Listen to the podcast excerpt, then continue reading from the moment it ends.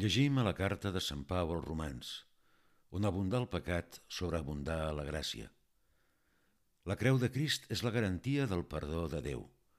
No hi ha pecat que Déu no vulgui perdonar a través de la creu del seu fill si ens en penedim. El penediment, el reconeixement del pecat, és ja la porta del perdó. El Senyor ha vingut a ocupar-se dels pecadors. No els cal el metge, els sants, sinó els malalts. No ha vingut a cridar els justos, sinó els pecadors a penitència.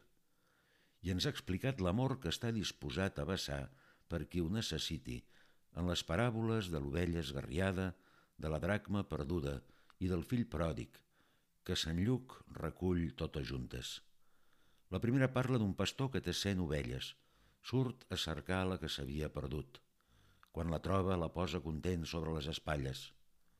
El Senyor comenta hi haurà més alegria en el cel per un sol pecador que es converteixi que per 99 justos que no tenen necessitat de conversió.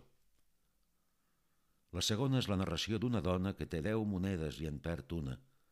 La busca curosament fins que la troba i s'omple d'alegria. Novament el Senyor insisteix. De la mateixa manera us dic, se n'alegren els àngels de Déu per un sol pecador que es converteixi. La darrera és la més llarga i també la més vella. Es tracta d'un fill que aconsegueix que el seu pare li doni el que li pertoca de l'herència. Aleshores se'n va de casa i ho malgasta vivint de mala manera. Quan les coses li van malament decideix tornar a casa per poder menjar i pensa aniré al meu pare i li diré Pare, ja no mereixo ser anomenat fill teu, tracta'm com a un dels teus criats. El seu plantejament no és molt noble, perquè està penedit a causa de la fam que passa, però torna. I el Senyor destaca aquest detall preciós que és el nucli de la paràbola. Quan encara era lluny, el seu pare el veia i se'n compadí, i corrent al seu encontre, se li llançà al coll i el va omplir de petons. Ni tan sols li donarà temps a dir allò que portava preparat. Tan bon punt torna és acceptat no pas com a criat, sinó com a fill. Així s'esdevé amb Déu. Sempre està disposat a perdonar-nos i a tractar-nos com a fills que tornen a la seva amistat. I per la seva misericòrdia ha volgut establir un mitjà especial perquè puguem expressar el nostre penediment i estar segurs del seu perdó. És la confessió sagramental. Déu ha volgut que l'Església, en el seu nom, i a través del misteri de la mort de Crist perdoni els pecats. Jesucrist va donar aquests poders als seus apòstols després de la resurrecció. Rebeu l'Esperit Sant. A qui perdoneu els pecats, els són perdonats. A qui els retindreu, els són retinguts. Des d'aleshores, l'Església, en nom de Jesucrist, perdona els pecats, imitant així el que ell havia fet durant la seva vida. Per això la confessió sagramental és el sagrament de la misericòrdia divina, del perdó de Déu. Per desig diví, aquest sacrament és el mitjà ordinari per tornar de la mort del pecat a la vida de la gràcia. Encara que Déu obra amb la seva gràcia com vol i pot fer les coses d'una altra manera i les fa si cal, ha volgut que nosaltres acudim a aquest sagrament sempre que tenim consciència d'haver comès un pecat greu. Déu ens demana que expressem el nostre penediment davant d'ell d'aquesta manera, declarant el nostre pecat i el nostre dolor davant d'un sacerdot que en el seu nom ens absol si ens veu penedits. El sacerdot s'ha de fer càrrec de quins són els nostres pecats i ha de jutjar si ha de perdonar-los o no. Per perdonar, n'hi ha prou que tingui el convenciment que el penitent ha confessat realment els seus pecats i que n'està penedit. Qui acudeix a confessar-se cal que exposi senzillament i amb claredat quins són els pecats greus que ha comès davant de Déu, de quin tipus d'actes es tracta, quina quantitat, i si hi ha alguna circumstància especial que els fan més greus. Per exemple, no és el mateix insultar un company que un pare, robar una quantitat al carrer a punta de pistola o a l'armari d'un amic. No cal, en canvi, entrar en detalls particulars com el propi nom o el del còmplice o de l'empresa en què es treballa, etc. Per animar els cristians a fer servir aquest sagrament, l'Església va instituir des de fa molts segles l'obligació de confessar almenys un cop a l'any els pecats greus o mortals. Això sol concretar-se en l'època de Pasqua, en què tradicionalment es confessa i combrega qui no ho fa de manera habitual. També cal confessar els pecats greus, en cas que n'hi hagi, sempre que es va a combregar, per tal de no rebre indignament el Senyor. Convé naturalment, quan s'ha comès un pecat greu, confessar-lo com abans millor per recuperar la vida de la gràcia, el tracte íntim amb Déu que proporciona la presència de l'Esperit Sant. I això repeteix totes les vegades que calgui, fins i tot dos cops al mateix dia, tot i que evitant els escrúpols si en fos el cas. La confessió pot servir per demanar perdó a Déu de tots els nostres pecats i faltes. Els pecats venials o lleus no treuen la vida de la gràcia i no necessiten aquest perdó. Però aquells que han procurat estar a la vora de Déu han sentit la necessitat d'oferir aquest signe de penediment i sens dubte a Déu li resulta molt agradable perquè és un dels mitjans més clars per arribar a estimar-lo amb seriositat. S'ha considerat sempre com una bona pràctica procurar confessar-se cada setmana o almenys cada 15 dies d'aquells pecats venials i de tot el que suposa una falta de generositat envers Déu. Per viure bé aquest sagrament de la penitència o senzillament confessió, cal adonar-se d'allò que es tracta. Es tracta de demanar perdó a Déu davant un sacerdot pels pecats i les faltes que hem comès. El primer és pensar quins són. Els pecats greus els hem de confessar tots, però dels lleus n'hi ha prou que confessem aquells que ens semblen més importants o aquells dels quals ens en recordem després d'haver-nos examinat. El punt clau és el penediment, és a dir, el dolor dels pecats. Déu no ens demana un dolor molt viu, perquè no sempre en som capaços.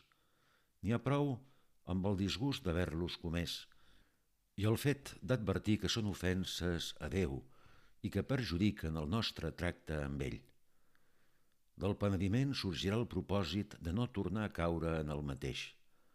No hi hauria un veritable penediment si no posem el que és possible de part nostra per no tornar a ofendre a Déu.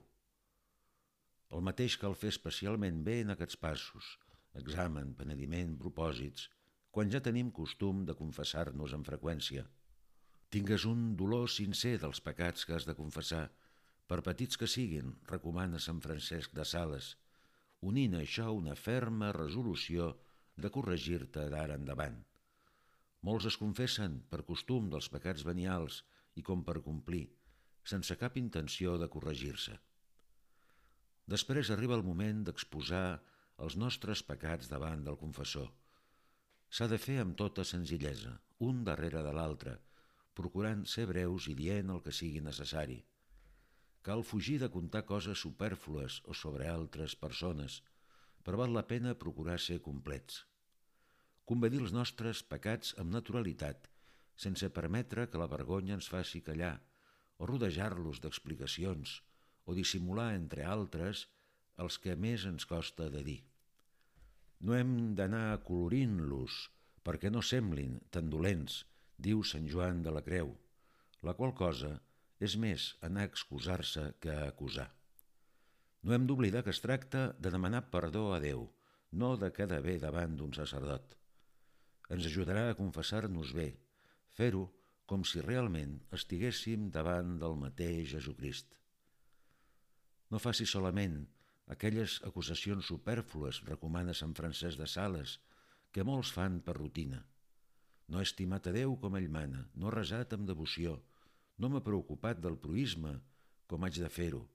No he rebut els sagraments amb la deguda reverència i altres de semblants. En dir això no declares res per la qual cosa pugui conèixer el confessor l'estat de la teva ànima, perquè tots els sants del cel i tots els homes de la terra podrien dir el mateix si es confessessin. Hem de concretar i explicar que ens hem distret per pensar en nosaltres mateixos, que no vam atendre aquella persona en aquell moment perquè no ens cau bé, etc. Per exemple, no diguis que has mentit sense causar un dany a ningú. Has d'afegir si va ser per vanitat, per lluar-te o per excusar-te, per broma o per tossuderia. També convé dir si ens passa amb freqüència o des de fa temps. Hom no ha d'inquietar-se si hi ha hagut algun oblit involuntari, fins i tot si es tractava d'un pecat mortal. N'hi ha prou confessar-lo quan tornem a acudir al sagrament. Per no donar lloc a escrúpols, no és bo de fer llistes detallades dels pecats venials ni portar-los per escrit. N'hi ha prou a confessar honradament davant el confessor allò que en aquell moment recordem. Si ens posem nerviosos, li podem demanar que ens ajudi, preguntant-nos. De vegades va bé acostumar-se a seguir un cert ordre en confessar-se, els deu manaments, pecats capitals, deures davant de Déu, el proisme i un mateix, etc. El darrer acte de la confessió és complir la penitència que el sacerdot ens imposi pels nostres pecats. Ordinàriament es tracta d'una oració o alguna acció senzilla i és bo de fer-ho aviat per evitar oblidar-ho. Aquestes oracions o actes tenen un particular valor davant de Déu. La confessió freqüent dona a la vida interior una gran solidesa i és una de les maneres de millorar en la lluita ascètica i en l'amor de Déu. És important escollir bé el confessor i acostumar-se a confessar-se sempre amb el mateix. Això és millor que confessar-se amb el primer que ens trobem, ja que així el confessor ens va coneixent, ens pot ajudar millor i ens confessem amb major senzillesa i eficàcia. Escollir un confessor habitual és important. Val la pena de fer-ho bé. Buscarem una persona que estimi Déu, que tingui coneixements de la vida ascètica, que sigui prudent i que sigui capaç d'exigir-nos. Tots aquests punts són importants.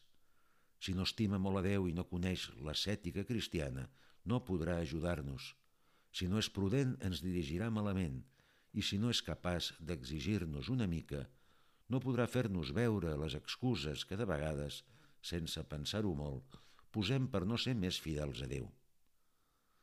En aquell moment el confessor es converteix per nosaltres en director espiritual. Amb aquest nom es designa la persona que ens aconsella en la manera de millorar la nostra vida cristiana. La seva missió és la de dirigir, és a dir, orientar, ajudar-nos a reconèixer allò que Déu ens va demanant. No substitueix la nostra iniciativa personal, hem de tenir-la, perquè l'amor de Déu és personal, com tots els amors. La missió d'un director espiritual és com la de l'amic que ens aconsella i lleialment en els amors de la terra. De vegades ens haurà d'impulsar, però no és bo que ens manqui iniciativa per estimar millor a Déu. Tenir un director espiritual és gairebé imprescindible per avançar en l'amor de Déu. L'opinió dels sants en això és unànima.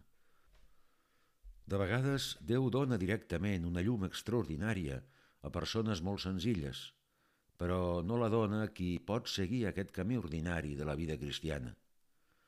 Nostre Senyor, sense el qual no podem res, escriu Sant Vicent Ferrer, mai no concedeix la seva gràcia aquell que, tenint a la seva disposició un home capaç d'instruir-lo i dirigir-lo, menysprea aquest mitjà eficacíssim de santificació, pensant que es basta a si mateix i que per les seves pròpies forces pot cercar i trobar allò que necessita per a la seva salvació. Aquell que tenia un director i l'obeïa sense reserves i en totes les coses, arribarà a la fi molt més fàcilment i amb més rapidesa que si estigués sol, tot i que posseixi una molt aguda intel·ligència i molts savis llibres de coses espirituals. Cal tenir un director espiritual per escollir l'ordre que s'ha de seguir en l'ascensió cap a Déu, per escollir entre els propòsits, per moderar excessos, per superar desànims, per donar ànims, per resoldre perplexitats, per escollir els mitjans més aptes, lectures, etc. Una persona amb experiència i amor de Déu ens orienta molt millor que nosaltres mateixos, ja que és difícil ser objectiu en allò que fa referència a un mateix. Que no hi ha qui es conegui tan bé a si com coneixen qui ens miren, adverteix Santa Teresa, si és amb amor i cura d'aprofitar-nos. L'eficàcia de la direcció espiritual depèn en molta part de la sinceritat del dirigit. Obre-li el teu cor amb tota sinceritat, recomana Sant Francesc de Sales, manifestant-li fidelment tot el que en ell hi ha de bo i de dolent, sense fingiment ni pal·liatius. Ens costa tots d'obrir la nostra intimitat, i més si el que hem de contar no és afalagador. Hem de passar de tant en tant una mica de vergonya, però això no ha d'estorbar la nostra sinceritat. El que es guanya és tant que val la pena estar disposats a passar per un petit tràngol. Després de tot no n'hi ha per tant i és una manera fantàstica de derrotar la supèrbia i la vanitat que són darrere d'aquelles resistències a quedar malament. Com diu el vell adagi, la vergonya per pecar, però no pas per confessar humilment el pecat. Ajuda la sinceritat el fet de considerar que no som els primers homes que habiten damunt la terra i que tots som molt semblants. El que ens passi a nosaltres haurà passat abans a molts d'altres i passarà a molts més després. D'ordinari, un bon confessor està acostumat a sentir tot el que hom pot imaginar, i més. De vegades pot costar parlar perquè volem que tingui una bona opinió de nosaltres, i això és clarament una manifestació de supèrbia que cal combatre. En aquest sentit, no ens hauríem de permetre mai coses tals com acudir a un confessor diferent de l'habitual per confessar allò que ens avergonyeix. Seria un fet que no ens pot portar a res de bo. Déu premia la sinceritat perquè és amic dels humils. Vèncer la vergonya de contar allò que ens humilia és el primer pas que Déu no ha deixat de beneir. Hi ha un consell que és esplèndid. Què diré? Em demanes en començar a obrir la teva ànima i amb segura consciència et responc, en primer lloc, allò que voldries que no se sapigués. Adquirir aquest costum amb l'ajut de Déu, a qui li demanarem força, dona un resultat extraordinari. De seguida se simplifica la vida interior i comencen a desaparèixer les complicacions que són fruit de la supèrbia. I quan la supèrbia mimba augmenten la pau i l'alegria, perquè desapareixen gairebé tots els motius de tristesa que solen néixer d'estimar-se a massa. S'han acabat els atabalaments, has descobert que la sinceritat amb el director arrenglera els embolics amb una facilitat admirable. Agraïm que ens parlin amb claredat. Per això hem de manifestar certa fortalesa i ser poc susceptibles – si ens entristim o ens excusem tan bon punt el director espiritual assenyala alguna cosa que no va, li traiem la llibertat per aconsellar-nos. S'haurà de parar a pensar com ens diu les coses. Ben al contrari, hem de demanar que ens parli amb claredat i li ho agrairem lleialment. Quan hi ha confiança i afecte, són més útils els retrets que les lluances buides. Ja sabem que som pecadors, si algú ens ho fa veure en concret, no ens sorprendrem pas. Sant Joan de la Creu assenyala que la supèrbia inclina els principiants a fugir dels mestres que no aproven el seu esperit i fins i tot acaben per avorrir-los. Però no ens amoïnem. Allò que tants homes, abans que nosaltres, han fet, ho farem nosaltres. La direcció espiritual és una cosa molt senzilla que porta a tenir pau i a sentir-se segur. Es camina ràpidament i també amb rapidesa se solucionen els problemes que sorgeixin. Dóna ànim saber-se comprès, ajudat, animat, i Déu premia aquests esforços amb molta llum. El director espiritual ens podrà aconsellar un pla de vida, és a dir, el conjunt de pràctiques de pietat que podem realitzar per viure amb intensitat la vida cristiana.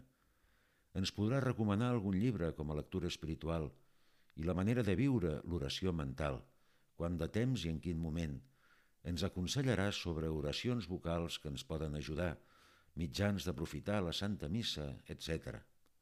A més, pot concretar d'acord amb el que vegi en la nostra vida un examen particular. Es tracta, com ja vam veure, de fixar un punt concret per examinar-se amb una freqüència més gran i concentrar allí l'esforç de la nostra lluita. Amb la direcció espiritual, tota la vida cristiana es posa en moviment i tot el que hem dit troba el seu lloc i el seu moment.